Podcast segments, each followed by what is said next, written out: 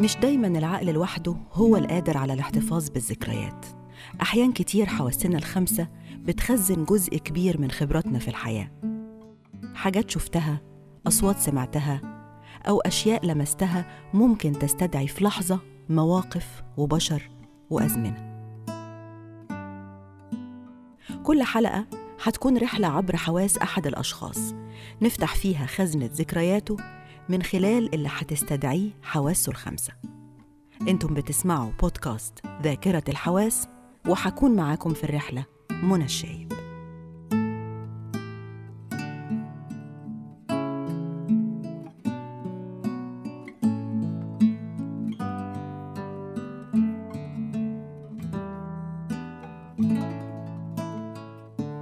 كاتب وصحفي وشاعر بالإضافة إلى عمله كمدرب واستشاري في العديد من المنظمات الدولية المهتمة ببناء قدرات الصحفيين وتطوير المؤسسات الصحفية. صعيدي نزل القاهرة ولم تبهره أضواء المدينة واحتفظ بروح وملامح الصعيد في وجهه وشخصيته في كل مكان عاش فيه ولم ينتمي إلا للشعر قدم أكتر من ديوان شعري أحسد الموت دمي ملوث بالحب. خوف الكائنات طفولتي الموجزة وغيرها. عالم مليء بالبكاء والوحدة والندم والفقد والخوف لشاعر عاشق للمتنبي وفؤاد حداد. ولك أن تتخيل تأثير هذا العشق في إنتاجه الشعري المختلف تماما رغم تشبعه بروح الأساتذة. رحلتنا النهارده مع ذكريات حواس الكاتب والشاعر ياسر الزيات.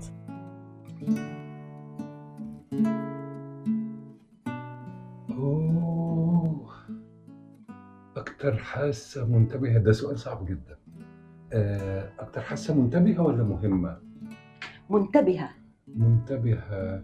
اللمس لا ال- أظن السمع أول حاسة بتلقط عندك أي حاجة؟ آه السمع أظن السمع آه، لأن مش بس أنا بلقط أول حاجة في ال- بال- بالسمع لكن أنا دايما لما أصحى آه، حاسة السمع هي أول حاجة بتشتغل جوايا. بلاقي أغنية بتتردد جوايا مثلا. أغنية ما معرفش جاية منين. فيمكن بخلق السمع بتاعي يعني. مم. فأظن إن دي الحاسة ال- الأقوى بالنسبة لي. بتخلق السمع لكن مش مش بتبقى موجود في مكان مثلا وأول حاجة تلفت نظرك حاجة مسموعة. الوضع مش كده. آه ح- لا حاجة حاجة مسموعة بتلفت نظري الأول. الأول. آه. قبل ما عينك تلقط الحاجة بتسمعها الأول. بسمعها بسمعها. ده ليه علاقة تفتكر ب... بتربيتك في الصعيد؟ يعني انت كان حواليك طول الوقت أصوات مثلا؟ آه تخيلي. هقول لك آه، يعني حاجة غريبة جدا. السمع يمكن مرتبط بالخوف أكتر في في الصعيد.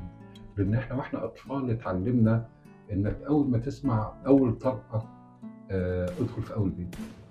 أول طلقة؟ آه أول طلقة من مسدس أو بندقيه آه الصعيد فيه كان الطار منتشر دلوقتي يمكن خف شوية بسبب والسلاح موجود. طول الوقت. السلاح موجود طول الوقت. مم. و... وجرايم التار كانت موجودة طول الوقت وكانت أكتر في طفولتي. فكان جزء من ممارستنا كأطفال لما نسمع أول طلقة قريبة بندخل لأول لأول بيت لأن إحنا ما نعرفش إيه اللي هيحصل بعد كده. أو أي طلقة خطأ ممكن تيجي في مين. يعني في أطفال ماتوا في ناس نعرفها ماتوا بطلقات خطأ. فيمكن عشان كده أنا أول مرة أكتشف إن ممكن يكون ده السبب وإن السمع حاسة متيقظة لأنه مرتبط بالخوف. مثلا قاعد أفكر ليه ليه أنا كل يوم الصبح بصحى وفي غنوة في ودني؟ مم. لأن أنا كنت ساكن في بيت كانوا بيحطوا فيه الميكروفون بتاع المولد. المولد؟ آه فالمولد فيه إنشاد. صحيح. فعندي سبع أيام من الإنشاد. لأجل النبي لأجل النبي لأجل النبي.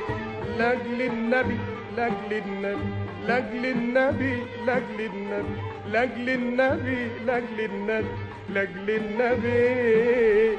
القعدة حلوة والنبي عند النبي. وعندي أب كان سميع آه، أغاني. فبيفرش حاجة في ال- في البلكونة. ويجيب ال- الريكوردر الايوه مم. آه، وعنده كمية شرايط متنوعة. يعني مثلا تلاقيه بيسمع فاطمة عيد تلاقيه بيسمع فريد الأطرش تلاقيه بيسمع عبد الحليم. ولما في إعدادي اكتشف إن أنا بحب أم كلثوم جاب لي تقريبا كل شرايط أم كلثوم.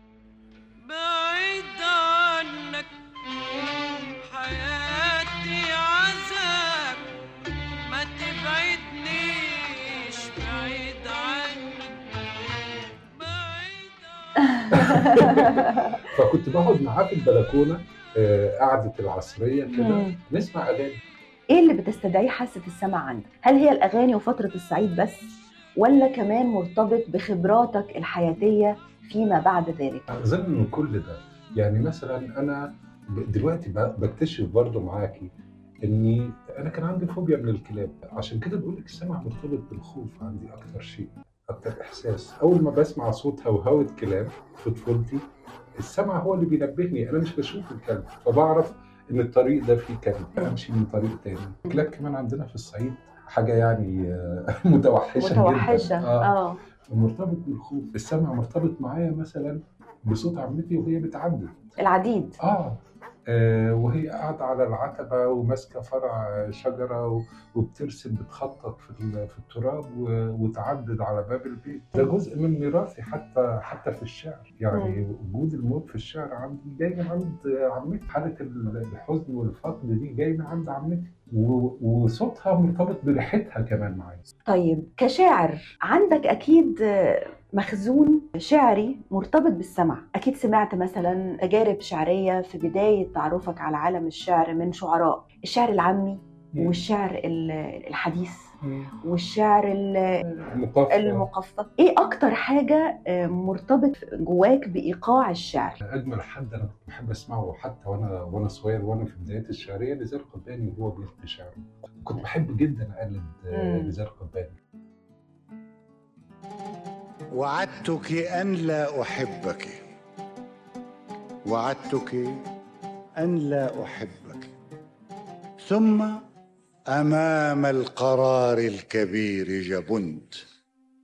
وعدتك أن لا أحبك. ثم أمام القرار الكبير جبنت. وعدتك أن لا أعود. وعدت وأن لا أموت اشتياقا ومت وعدت مرارا وقررت أن أستقيل مرارا ولا أتذكر أني استقلت كنت اقلد آه، أحمد عبد المعطي حجازي مثلا وهو وهو. بيلقي احب ألقي شعري دلوقتي طريقتي في في الإلقاء بقت أهدى بسبب تحولنا لقصيده النثر وقصيده النثر ما فيهاش جماليات صوتية آه، لابد من إبرازها أو ما بتحتويش ورا جماليات صوتية. فبنقرأ كأننا بنقرأ شيء آه،. عادي. الشعر مش في الصوت. بس أنا كنت بحب جدا نزار قباني. وهو إيقاع صوته هو بيقول شعر آه إيقاع صوته وطريقته في في الإلقاء ونبرته في الالقاء كان في في دفى وفي مش دفى بس كان في حالة تمرد جوه نبرة صوت آه، نزار. حاله تحريض ونزار أظن إنه كان بيحضن جمهوره وهو بيلقي شعره هو كان ساحر بصراحة. آه. آه. هو محمود درويش. ودرويش يعني طبعاً. آه، في سحر طبعا كده ودرويش طبعا. وهالة من النور حواليهم وهم آه بيقولوا طبعا شعر ودرويش طبعا. ودرويش أظن إنه بشكل ما عنده تأثيرات من من نزار في الإلقاء. وطبعا في درويش هو أسد آه، هاضم مجموعه من الخراف يعني مجموعة من الشعراء حلو. التعبير ده آه, آه يعني هتلاقي فيه أصوات شعراء تانيين إلى أن صفى درويش في المرحلة الأخيرة من حياته وأصبح محمود درويش وبقى صوته بقى آه صوته عندما تحول. من شاعر قضية إلى شاعر للانسانيه صحيح صحيح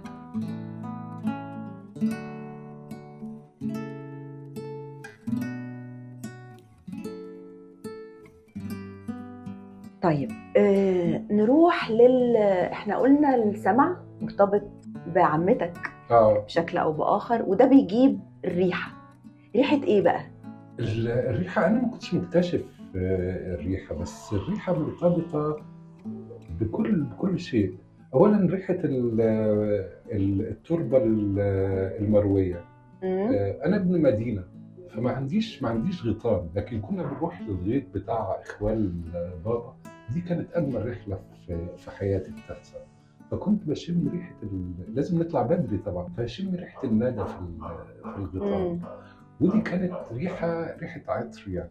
يعني لو اتعمل منها عطر تبقى شيء إنساني جدا. بعدين لما كبرت شوية المطر لما بتمطر كتير مننا بيحب ريحة ال- المية على على التراب بعد المطر. آه، بحب ريحة الأرض المروية وبفتقدها. آه، بحب ريحة الجسد البشري الأصلية مش المشوشة. آه. يعني من غير عطور قصدك؟ آه اللي هي من غير عطور. بحب ريحة الاستحمام. يعني الاستحمام من غير عطور برضه. آه من غير عطور. وال... وريحة الجسد البشري الخالصة اللي هي حقيقتها رائحة غير مباشرة مش رائحة لا تعلن عن نفسها لكن. بتتراكم جوانا بشكل غير غير محسوس مع الأشخاص اللي إحنا بنحبهم وممكن تخلينا ننجذب لأشخاص لهم رائحة مشابهة أو قريبة. ويمكن ده بيفسر إحنا ليه بننجذب لناس وليه ما, ما بننجذبش لناس تانيين. بس عندي كمان في الرائحة تجربة غريبة جدا. لما عشت في في السعودية عشت مع كنت مصاحب ال- البنغاليين البنغلاديش وال- آه. والهنود. يعني بيشتغلوا سواقين وبيشتغلوا في المطبعة. بحب جدا إن أنا أروح أقعد معاهم. فتعرفي طبعا عداء بين بنجلاديش والهند وهو مش عداء سياسي لا ده في عداء شعبي كمان. الشعبين ما بيحبوش بعضهم. ال- البنغاليين كانوا يقولوا لي "آه، مستر ياسر انت ليه بتقعد مع الهنود؟ دول ريحتهم وحشة. آه، لما بقعد مع الهنود يقولوا لي مستر ياسر انت ليه بتقعد مع البنغاليين؟ دول ريحتهم وحشة. اكتشفت إن أحيانا الريحة ممكن تكون متوهمة. لأنك مش بتحب الشخص. فبالتالي فبالتالي بتحس إن هو ريحته مش محببة ليك. بالظبط. فحالة ال- الكراهية الثقافية أو العداء الثقافي اللي بين الهنود والبنجلاديش خلتني أنتبه طيب ما أنا بقعد معاكم أنتوا الاثنين ومش شامم الريحة الوحشة دي. أنت أصلا مش شاممها. آه. عشان ما عندكش أي مشكلة مع ما عنديش. مشكلة معاهم. صحيح. فاحيانا ال- الحالة النفسية أو أو الاعتبارات الثقافية ليها ريحة. الكراهية ليها ريحة والمحبة ليها ريحة. إزاي؟ لما بتكوني بتحبي شخص ريحته الأصلية بتكون جواكي. طب لما سافرت بره دايما ال- ال- المجتمع في الخارج ليه روايح تانية خالص غير الشرق. انسجمت مع ده بسهولة؟ لأنه الواحد دايما حساسية الأنف بتبقى يعني من أكتر الحاجات ال- المؤثرة على مودك. لا أنا اتعطلت تقريبا ال- ال- الشم هناك. يعني أنا بتذكر دلوقتي اتعطلت؟ آه, آه أنا بتذكر دلوقتي ان كل اللي كنت بفتقده في بحر الشمال مثلا مش بس إن لونه مش عاجبني ولونه رمادي ومفيش أي لون زي المتوسط مثلا أيوة. بألوانه الثرية.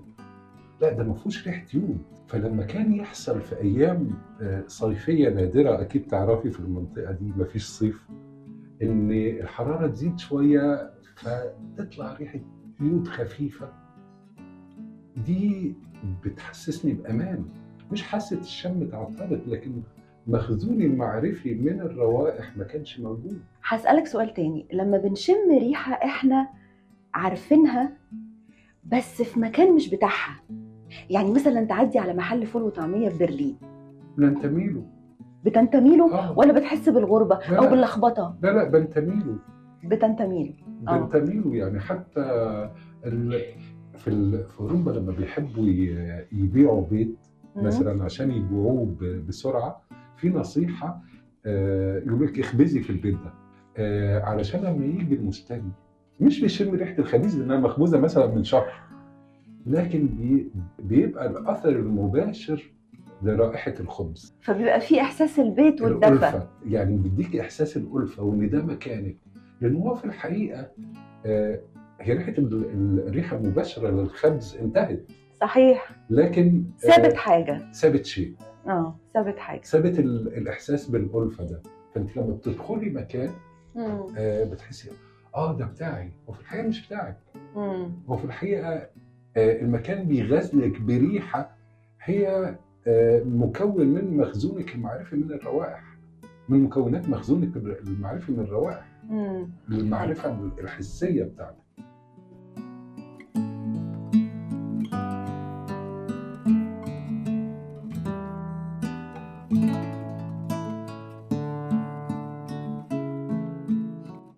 آه نروح للنظر آه. العين. العين آه، الإبصار يعني؟ آه. اولا عايز أسألك على لو في مشاهد عالقة في ذهنك أو أشخاص أو ملامح مواقف أنت فاكرها بالصورة. آه مشهد أمي لما لما أبويا آه، فقد ممتلكاته ونزلنا لحالة مالية تحت الصفر بعد ما كنا مستورين. مشهد أمي وهي بتطلع ماكينه الخياطة علشان آه، عشان تخيط وتسند البيت. ده المشهد اللي مش ممكن أنساه. وبقت خياطة محترفة ومشهورة في في البلد وساعدتنا وبقينا بنساعد بابا لأن في لأنه جاله أول أزمة قلبية بعدها. بقينا أنا وهي كنت طفل وحيد في الوقت ده. بقى عندنا الخياطة وبقى عندنا مشاوير المستشفى لبابا أحيانا. ومشهد تاني كمان بمناسبة الخياطة. مشهد أمي وهو وهي بتديني فستان حبيبتي وأنا وأنا طفل علشان اركب لها زراير. الله! آه أو علشان آه أعمل أرفلها ال- التانية. وحالة التواطؤ اللي في المشهد ده. تواطؤ إزاي؟ تواطؤ يعني هم بيحبوني وعارفين إن أنا بحب آه، البنت دي والبنت دي وإحنا آه، وإحنا أطفال كمان هي بتحبني وهم بيحبوها على محبتي ليها. فجزء من محاولتها لاسعادي إن ألمس فستانها أو أعمل لها أنا الزراير. أو ارفل التانية بتاعت فستانها. ده إحساس رهيب. آه. ووعي آه، نادر آه. من من آه، والدتك بابا كان كمان شخص استثنائي. كان منفتح جدا مقارنة برجالة الصعيد. وقادر على على الاستيعاب. في مكتبة صغيرة في البيت. آه، بيسمع بيسمع مزيكا. بي بيدلعني. حنون جدا. وفي نفس الوقت شخصية قوية جدا تخوف في نفس الوقت. لكن كانوا عارفين إن أنا آه، بحب وما كنتش بتكسف منهم. وعارفين إن أنا بحب دي. مع إن ده في الصعيد شوية في تحفظ. كتير. آه. كتير. كتير. مش- يعني مش إنه يبقى تحفظ. معلن آه، إنك بتحب فلانة أو معجب بيها وهم كمان ما يبقوش عاملين نفسهم مش عارفين. لأ هم موصلين لك إنهم عارفين و... ومتقبلين. آه العيلتين عارفين. أنا كنت بحب وأنا سني سبع سنين لا ما هو يعني الحب ده فعل يعني لا إرادي بس آه. الفكرة في إنه تقبل اللي حواليك فإن ده يحصل في الصعيد من العيلتين ده استثنائي آه، ده مش مش عيلتي أنا مش كانت عارفة عليه عارفة ومرحبة و... وعيلتها هي كانت عارفة لحد ما كبرنا. آه، اكتشفنا إنها مش مرحبة آه. العيلة مش مرحبة أوكي وده كان يعني تراجيدي جدا تراجيدي آه، صدمه آه. شوية آه صدمة كان صدمة كبيرة. يعني. كان صدمة كبيرة لأن كان أول عملية فراق حقيقي وإحساس بالخذلان وأشياء يعني مشاعر مركبة. بس المشاعر دي آه، خلتني طول الوقت عايز أمشي لقدام عايز أمشي لقدام. كان عندي إحساس آه، مش حقيقي بإن آه، بإن حبيبتي خذلتني. فطول الوقت عايز اتقدم علشان عايزها تشوفني. حاسة النظر عموما بتشكل جزء كبير من انطباعك عن الأشياء؟ أعترف لك بحاجة. أحيانا أحس إن حاسة النظر هي حاسة زائدة. ده في ناس بالنسبة لهم كل شيء. يعني تخيلي مثلا لو آه، لو طه حسين كان بيشوف. كنا لقينا فيه إن هذا الأسلوب هذه اللغة الإيقاعية المنغمة الساحرة ال- ال- اللي هي لا يكتبها إلا طه حسين. في التقبيل مثلا في عملية التقبيل. إحنا لما بنبوس بنغمض عينينا لأن وجود البصر قد يشوش على بقية الحواس. البصر بي- بيحجم الخيال. كل خيالاتنا بنعملها وإحنا مغمضين. على مستوى الوسائط لما بتسمعي راديو بترسمي انت الشخصيات وملامحهم وانفعالاتهم ومن خلال ال- الصوت بس. لما تشوفي نفس الشيء على على التلفزيون 75% من خيالك قضي عليه بالصورة. لكن في نفس الوقت هو من الحواس الممتعة. بإمكانك إنك تشوفي أشياء جميلة يعني كنا الفن التشكيلي مثلا. مم. الطبيعة ال- كل الحاجات دي بتستمتعي بيها. ملامح الأشخاص اللي أنت بتحبيهم يعني مثلا في كتاب ذكريات سوزان آه، طه حسين من أروع الكتب اللي مم. ممكن حد يقراها. وهي بتتكلم عن حياتها معاك كتاب اسمه معك. معك. مم. بس وحتى عنوانه عظيم يعني.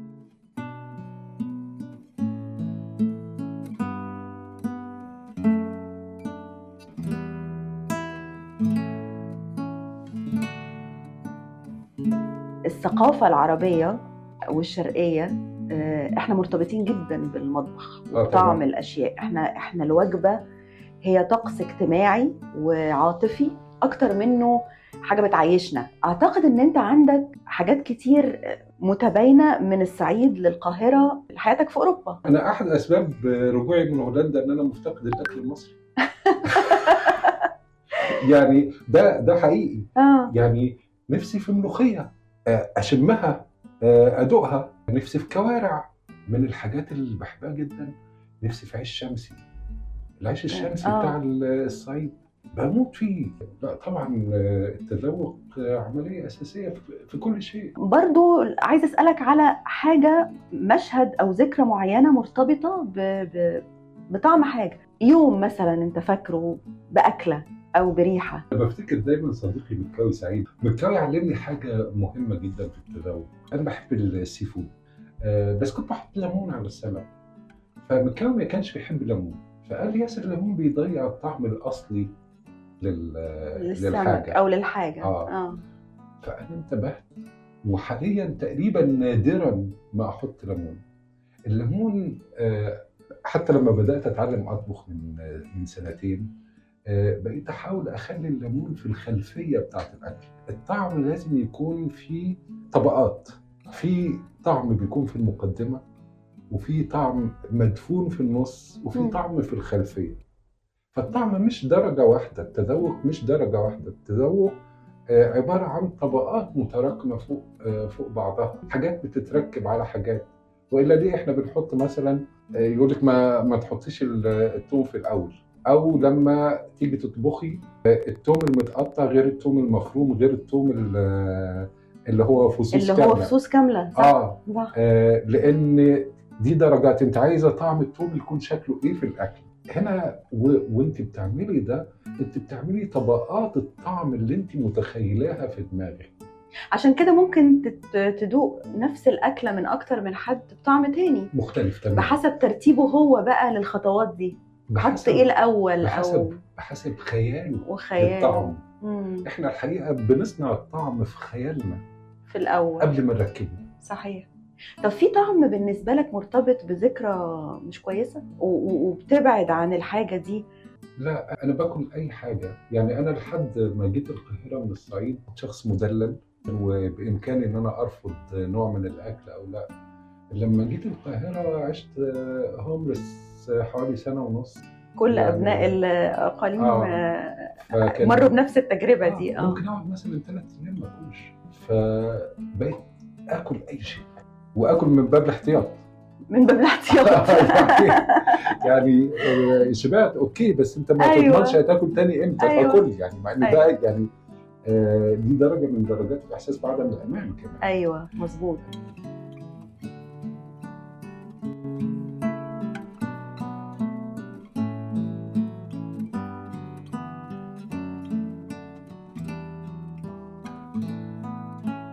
اللمس حاسة شغالة عندك قوي لأن في ناس كتير بيقولوا لي مش بركز قوي في حاسة اللمس. بص اللمس هو الحقيقة الوحيده كل الحواس السابقة من الممكن توهمها.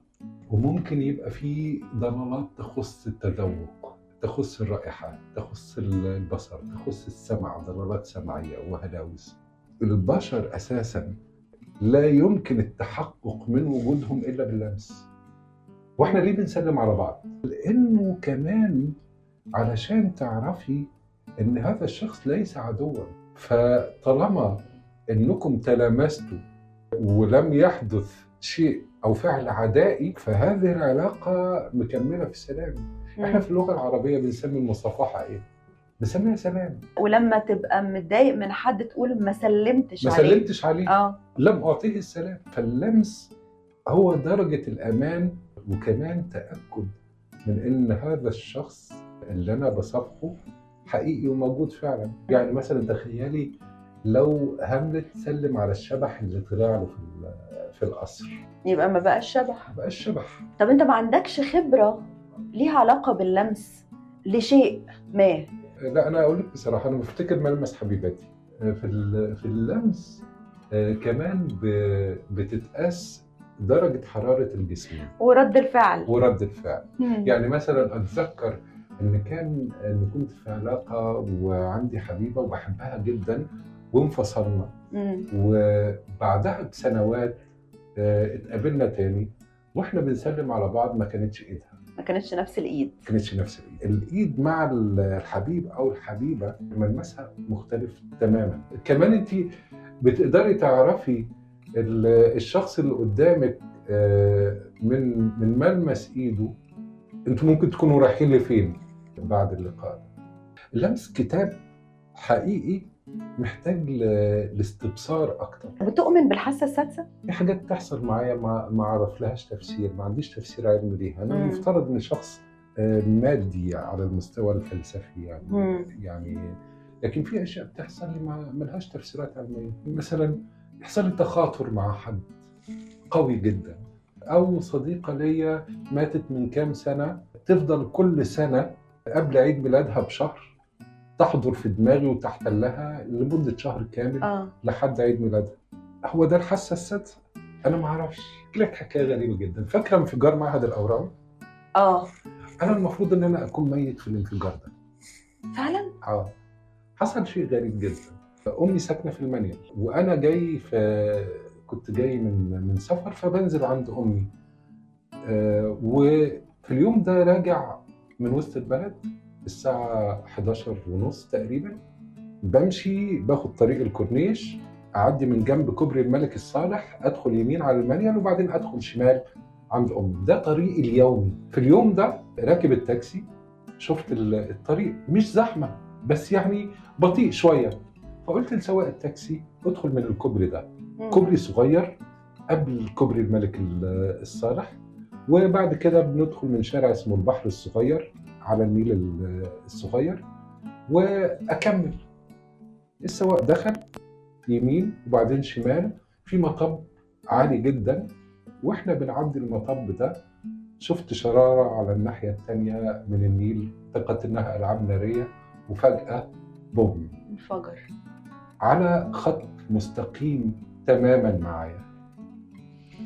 الفرق الوحيد هو النيل هل دي هي الحاسة السادسة؟